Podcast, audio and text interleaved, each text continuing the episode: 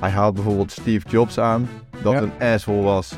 Maar die wel altijd bezig was met het verbeteren van het product. Je ziet dat Microsoft en Google die pakken die tools, eh, die handigheden op. En die implementeren ze gewoon in, zijn, in hun producten die je dagelijks al gebruikt. Apple, eh, Facebook, Microsoft. Die zijn al jaren bezig met, met dit soort AI-tools. Ja. Alleen die hebben nooit echt de urgentie gehad om het uit te brengen. Omdat er gewoon bijna niemand in hun vaarwater zat. Dit en meer behandelen we in de Innovation Pub Talk van vandaag. In de Innovation Pub Talk hebben we het over de laatste trends in innovatie, tech en apps. We gaan de aflevering starten en we wensen je veel luisterplezier. hey, maar dit is dus eh, de eerste keer dat we hier zijn in de Pub Talk, in de Tech Pub Talk en Innovation. Ja, Hier zeker. in eh, ons kantoor, Hartje Utrecht. Wat is de pub waarin we staan, Ruben? Kun je daar wat achtergrondinformatie in geven? Ja, nou, dit is eh, bar 51. Op de Daalse single 51. En we zitten hier eigenlijk in een kantoor dat vroeger van de Rabobank was. Oké, Want het was eigenlijk de ABN AMRO. Nou, dat mag ook af en toe wel eens fout gaan. en het schijnt dat ze hier allemaal eh, goede deals hebben beklonken. Ja, En, eh, maar die bar die bleef staan toen het hele pand is verbouwd. En tegenwoordig zitten wij in het pand en huren hier boven een, een mooie ruimte. Ja, er is zelfs een, eh, een, een leus eigenlijk die daar aan de muur hangt. Het is eh, eh, beter rijk te leven dan eh, rijk te sterven, toch? Precies, ja. Dus het is wel heel grappig. Het is een open haard, een barretje. En af en toe zitten wij hier eh, op de vrijdagmiddagborrel. Maar we hebben vandaag hele interessante topics. En eh eerste is eigenlijk iets wat jij op Twitter naar mij doorstuurde. Of eigenlijk naar het hele team doorstuurde. En kan je daar misschien wat meer over vertellen? Wat, wat, Ja. wat is dat? Ehm, dat was eh, van Google. En dat was eigenlijk een, een, ja, een verbeterde versie van, eh, van eh, de Street View of de Flyover die Apple ook eh, heeft in zijn Google Maps. Hm? Dit noemden ze een Immersive View. Ja? En het grote verschil met zo'n flyover, wat je al eerder een keer hebt gezien van Apple en Google. Ja, dat is echt een satellietview normaal, toch? Of een, een, fotoview van de straat zelf, waar je Ja. 63 kan. En vaak zag je die ook al in eh, 3D. Ja. Alleen nu is het grote verschil dat het echt voelt alsof het een echte wereld is. waarin je zelf met een soort scroll de temperatuur, eh, het weer kan bepalen. Ja. Waardoor je eh, het Rijksmuseum eh, ehm, kan bekijken hoe het, er, hoe het eruit ziet als het zonnig is. Ja. Maar ook als het bijvoorbeeld regen, regenachtig is. Ja, je zag echt van die animatie, animatie van de regendruppeltjes die op het scherm kwamen. En als je dan verder scrolt, zag je regen naar zon veranderen. En kon je ook een beetje zien hoe druk het was. Maar het ziet er echt wel mooi uit. En ik vond het wel grappig dat ze dus het Rijksmuseum hadden gebruikt als voorbeeld. Want Ja, dat zeker. dat Google dat gebruikt als eh, soort van boegbeeldje. Dat vond ik wel, eh, wel grappig. Zo waren we, daar was ik wel erg eh, van te spreken. Ja, nice. Denk je dat dat iets gaat bijdragen aan een betere Google Maps experience? Of is het gewoon een, een coole gimmick? Ja, dat vraag ik me eigenlijk nog af. Ik moet zeggen dat, eh, dat ik Apple Maps een stuk beter vind worden eh, tegenwoordig dan eh, Google Maps. Ja. Dus dat wordt nog wel een interessante strijd. Ja, je merkt toch hoe beter de navigatie, daar draait het product gewoon. Hm. Ehm, ja, we hebben een aantal topics vandaag die we willen bespreken. Dit was eentje. Het is nog nieuw, dus wees ook kritisch en geef ons ook feedback als dit veel beter kan. Hm. Eh, we hebben vier topics. Dat is, eh, we hebben een boektopic. Eh jij hebt een boek, boek eigenlijk meegenomen. Hm. Eigenlijk de app van de week, of het interessantste wat we tegen zijn gekomen. Asynchroon werken, willen we het even kort over hebben. En over AI. en vooral een beetje over dat het niet... ja, het is er, maar dat, waar gaat het nou echt voor gebruikt worden? Ja, dus laten we misschien gewoon beginnen met jouw boek. Beeld? Hm. Ja, ik heb hier een boek meegenomen, Beeld. Ik weet niet of je dat kan zien. En Beeld is een eh, boek geschreven door Tony Fadell. Hij heeft onder andere de iPod ontworpen, de eerste bij Apple. Ja. En Best wel een eindbaas. dit is een behoorlijke eindbaas. Hij is, eh, nadat hij bij verschillende bedrijven heeft gewerkt, eh, onder andere Google, heeft hij de Nest ook ontworpen. Ja. Ehm, dus het is een behoorlijke eh, big shot. Ja, En hij heeft, een, hij heeft nu een boek geschreven over eigenlijk zijn bevindingen en over tips hoe je als maker in deze wereld eh, jezelf kan navigeren. Ja. Ehm, een van de interessante dingen wat er in het boek eh, wordt beschreven is bijvoorbeeld het hoofdstuk over assholes. Waar hij beschrijft wat verschillende type assholes zijn die je tegen kan komen. Ja. Sommige assholes die, eh, die doen eigenlijk alles alleen maar voor hunzelf. Uh, maar je hebt ook assholes die assholes zijn tegen jou omwille van het maken van het product. Dus Hm. die zijn altijd bezig met het verbeteren van het product. Hij haalt bijvoorbeeld Steve Jobs aan, dat Ja. een asshole was, maar die wel altijd bezig was met het verbeteren van het product en nooit feedback had op jou als persoon. Ja. En ehm, Maar en wat, wat is dit boek dan? Eh, omschrijft het hoe jij beter producten kan maken? Of is het... Waar, waar gaat het meer over? Want jij vertelde mij hiervoor dat het een beetje wat meer over interne eh, processen gaat. Ja, het gaat aan de ene kant over, eh, ehm, eigenlijk voornamelijk over hoe jij als maker eh, van producten kan navigeren door de hele wereld van eh, het bouwen van producten bij grote bedrijven, bij kleine bedrijven. En hoe je op de, op, de, ja, op de beste manier impact kan maken binnen bedrijf, maar ook op de wereld. Ja. Ehm, daarin wordt natuurlijk ook gefocust op hoe je dat dan precies moet doen, maar ook vooral hoe je dat moet doen in combinatie met eh, de mensen waarmee je moet werken. Hey, en wie, wie, wie zou nou de perfecte doelgroep zijn om zo'n boek te kopen? Want jij leest het. Eh, Hm. We zijn een agency met negen mensen. We bouwen ook digitale producten. Dus jij vindt het interessant, denk ik, voor de bedrijven waarmee we werken. Eh, maar welke grootte van schaal heb je het hierover? Kan dat? Ik denk dat het voor eigenlijk iedereen wel interessant kan zijn. maar wel met name de mensen die daadwerkelijk producten maken. Dus dan heb je het over designers, developers, eh, maar ook misschien product managers. Ja. Eh, en er staan ook best wel veel tips over je carrière. Dus ik denk dat heel veel mensen die relatief aan het begin van hun carrière staan, echt heel veel kunnen hebben aan het boek. Tof. Nou, leuk. Eh, ja, dus zeker aan te raden. Wij, eh, jij bent nu op een derde of twee derde ongeveer. Op een derde past. Kijk. Dus, Dus maar, eh, daar gaan we misschien nog wel meer over hebben. Nou, eigenlijk eh, onderwerp 2, of onderwerp 3 alweer, is het eh, asynchroon werken wat we doen. Eh, wij hebben een kleine geschiedenis. Wat asynchroon werken is, is dat je niet alleen maar meetings hebt, maar dat je dingen meer terughaalt naar ja, digitale en dat je daar later moment op terug kan komen. Dus dat je niet op dat moment allemaal in een meeting hoeft te zitten. En daar zijn we eigenlijk mee gestart, omdat... Nou, wij ehm, werden een beetje gek van alle meetings eh, door, eh, door de week heen. Behoorlijk. En eh, vooral de developers die dachten op een gegeven moment van ja, ben ik nou, wil ik nou de hele dag in meetings zitten of wil ik echt programmeren en wil ik producten gaan bouwen? Ja, zeker. En toen zijn we gaan experimenteren met threads. Ja, we hadden twee apps. We hebben Twist gebruikt en Threads. En eigenlijk moet je Threads een beetje zien als de Microsoft Teams of de Slack. Waarbij je eigenlijk eh, een chatcomponent hebt om met elkaar in gesprek te komen. Maar in plaats van dat je ook eh, alleen maar gaat chatten, wil je ook echt eh, draadjes als het ware maken. Waarin je wat meer informatie geeft over het project. Dat kan met een video. Het zijn dan echt. ze proberen dat je zo bite-sized mogelijk die content opsplitst.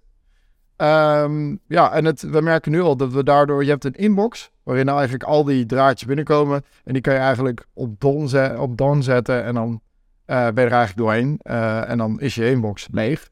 Eh, maar wat maakt dit nou beter dan hoe wij dat in de vorige situatie deden? Hoe, hoe ondersteunt zo'n app als Threads daar nou in? Nou, met, wij gebruikten hiervoor Slack en daarin kun je ook threads maken. En dat was al een uitkomst om subdiscussies in een andere, on- eh, ja, in een andere thread eh, verder eh, te gaan. Ja, dat was Alleen- in een chat zelf, toch? Dus dan In druk je op thread en dan maakte hij er een soort van draadje van. Alleen het probleem was, als je die aanmaakte en er was weer iemand anders die ook weer een andere discussie begon, Ja. was je al heel snel je thread weer kwijt. En het grote voordeel van een tool als Threads, zelf een beetje verwarrende naam natuurlijk, Zeker. Ehm, is dat als je een nieuw onderwerp start, je kan het eigenlijk een beetje zien als een soort forum, dan eh, word je echt begeleid om een, op een, om een gestructureerd bericht eh, te typen. Ja. En dan post je hem als het ware. En dan heb je ook niet de verwachting dat iemand binnen een minuut reageert, maar gewoon reageert binnen een dag ongeveer, ehm, wanneer het hun zelf uitkomt. Ja, je merkt toch echt bij ons, en er, eh, we, we houden ons er ook best wel streng aan. Maar eh, je merkt wel echt dat de meetings, eh, dat er veel minder meetings zijn. Dus dat scheelt toch tijd, want soms zit je met z'n zessen over een onderwerp te praten waar je ook een, een thread voor had aan kunnen maken. Dus tijd scheelt heel erg. Maar we merken ook dat het, eh, je moet wel echt concreet zijn in zo'n draadje. Dus het stelt je ook wel in staat om heel concreet een vraag te stellen waarin je met een chat heel veel typfouten en foutjes maakt, ben je met een thread toch wel echt aan nadenken, ja, wat wil ik eigenlijk van andere mensen qua actiepunten hebben. Dus Hm. m- m- kan jij ons een beetje vertellen welke regels wij onszelf al hebben opgesteld hè, om, om threads eh, goed te gebruiken? Ja, dus eigenlijk is het voor ons heel belangrijk dat we zo min mogelijk notificaties sturen, zo min mogelijk afleiding creëren bij designers, bij developers, maar ook eigenlijk andere mensen in het team. Mhm. Dus standaard staan alle notificaties uit van elke thread eh, tot je iemand tagt in een thread. Ja. Nou, wat we belangrijk vinden is dat je echt in een soort bullet points vertelt wat, ehm, waar het over gaat. En vooral in bullet points vertelt welke acties er nodig zijn en van wie. Ja. Eh, zodat daar ook als een soort, als het ware, met bullets gereageerd kan worden op, ehm, eh, ja, op je vragen, op je discussiepunten. En stel nou een van die, een van de discussiepunten wordt een hele nieuwe discussie, dan vragen we altijd om die discussie weer voor te zetten in een gloednieuwe thread. Ja, want dan kun je de ene afvinken uit je inbox en de nieuwe weer leidend laten zijn bijvoorbeeld. Ja.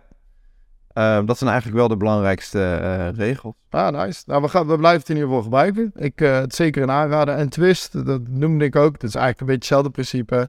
Maar die heeft niet dat chat component. En daar zijn we snel van afgestapt, want toch twee tooltjes gebruiken eh, kan best wel kostbaar zijn. Zeker als je heel veel mensen hebt. En dit Hmm. combineert het beide. Nou, wel onderwerp 4. Dat is een beetje eh, nou ja, het, het AI-buzzword ding wat je ook op mijn LinkedIn vooral en misschien ook een paar keer op Rubens LinkedIn. En je wordt er waarschijnlijk helemaal gek van. Ehm, maar eh, het is toch wel waard om daar even wat over te vertellen. We hadden het vanmiddag al een beetje over. Er zijn heel veel tools die de laatste tijd uitkomen. Eh, daardoor weet je eigenlijk niet meer eh, ja, waarom AI nou zo goed werkt. Je ziet dat, eh, dat het echt een beetje gezien wordt soms door mensen als een trend.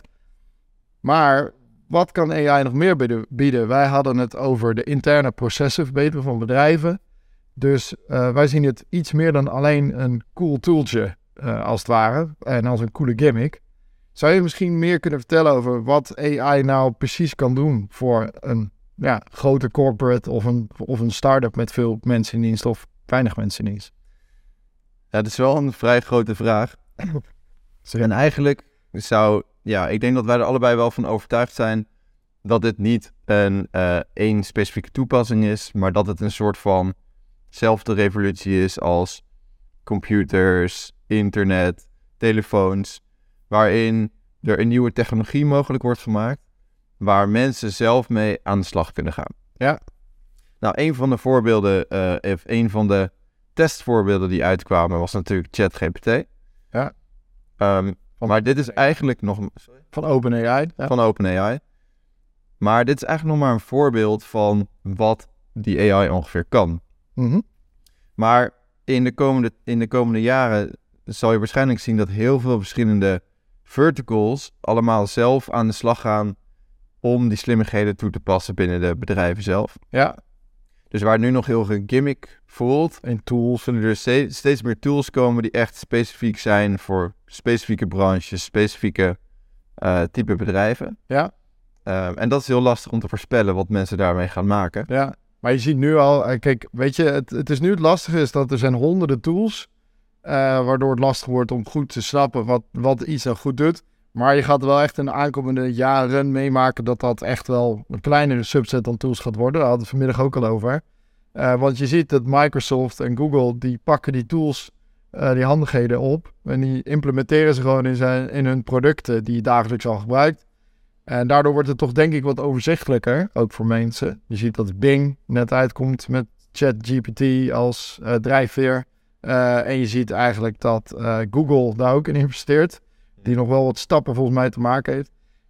Zien wij nou dat er een soort van battle of the fittest komt? Eh, is dat handig voor de markt? Is dat goed?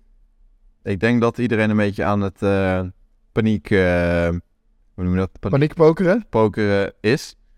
Omdat de grote bedrijven zoals Google, Apple, Facebook, Microsoft, die zijn al jaren bezig met, met dit soort AI-tools. Ja. Alleen die hebben nooit echt de urgentie gehad om het uit te brengen, Omdat er gewoon bijna niemand in hun vaarwater zat. Nou, nu komt er een tool uit die in één keer razend populair wordt. En nu beginnen al die partijen, zoals Google en, en, en Microsoft, als een gek allemaal functionaliteiten uit te brengen. Die niet per se ehm, zo goed gevalideerd zijn als dat ze dat met andere producten doen. Ja. Dus ik vraag me een beetje af wat hier de toekomst van is. Mhm. En ehm, ik, heb, eh, ik heb vooral het gevoel dat ze nu willen laten zien: hey, kijk, we zijn echt aan het innoveren. We kunnen echt wel eh, opboksen tegen een, eh, een, een kleine start-up. Ja. Maar dat is.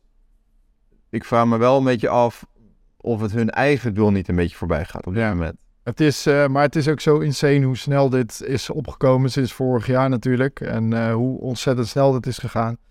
Ja, ik denk dat misschien de belangrijkste takeaway voor dit is, voor bedrijven waar wij meewerken en die wij een beetje kennen, dat het gewoon heel erg interessant is om in te zetten om in ieder geval je eigen interne processen gewoon te versnellen. Dus dat je het als, we zagen dat postje vanmiddag op LinkedIn, dat je het echt super als, als supercharger ziet.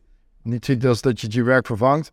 Uh, en ik denk dat misschien de nadruk veel meer moet gaan liggen op bedrijven die dat in hun interne processen gebruiken om dingen gewoon sneller te laten gaan. Ik denk dat dat uh, voor nu uh, de enige, de goede toepassing is. Ja, ik denk wel dat je inderdaad uh, de ChatGPT of eigenlijk de algoritmes erachter moet gaan zien als een soort van hulpje van je. Ja. Um, waarbij je bijvoorbeeld zag dat Intercom echt al slimmigheden in hun tool had ingebouwd om voorzetjes te geven voor artikelen, voor antwoorden of samenvattingen te geven van conversaties. En ik denk dat er steeds meer bedrijven um, die API's kunnen gaan gebruiken om uh, dit soort toepassingen te bedenken. Nou, super. Nou, ik denk dat dit uh, een goede afsluiting is van de Pub Talk. Uh, dit was de eerste. Volgende maand zijn we er weer. Ik denk dat we het over een maandje weer gaan proberen. En ja, nogmaals, leuk dat jullie luisteren, kijken. En we gaan gewoon volgende keer een nog betere Pub Talk opnemen. Dit was de eerste. Yes. Thanks. Thanks. Yo.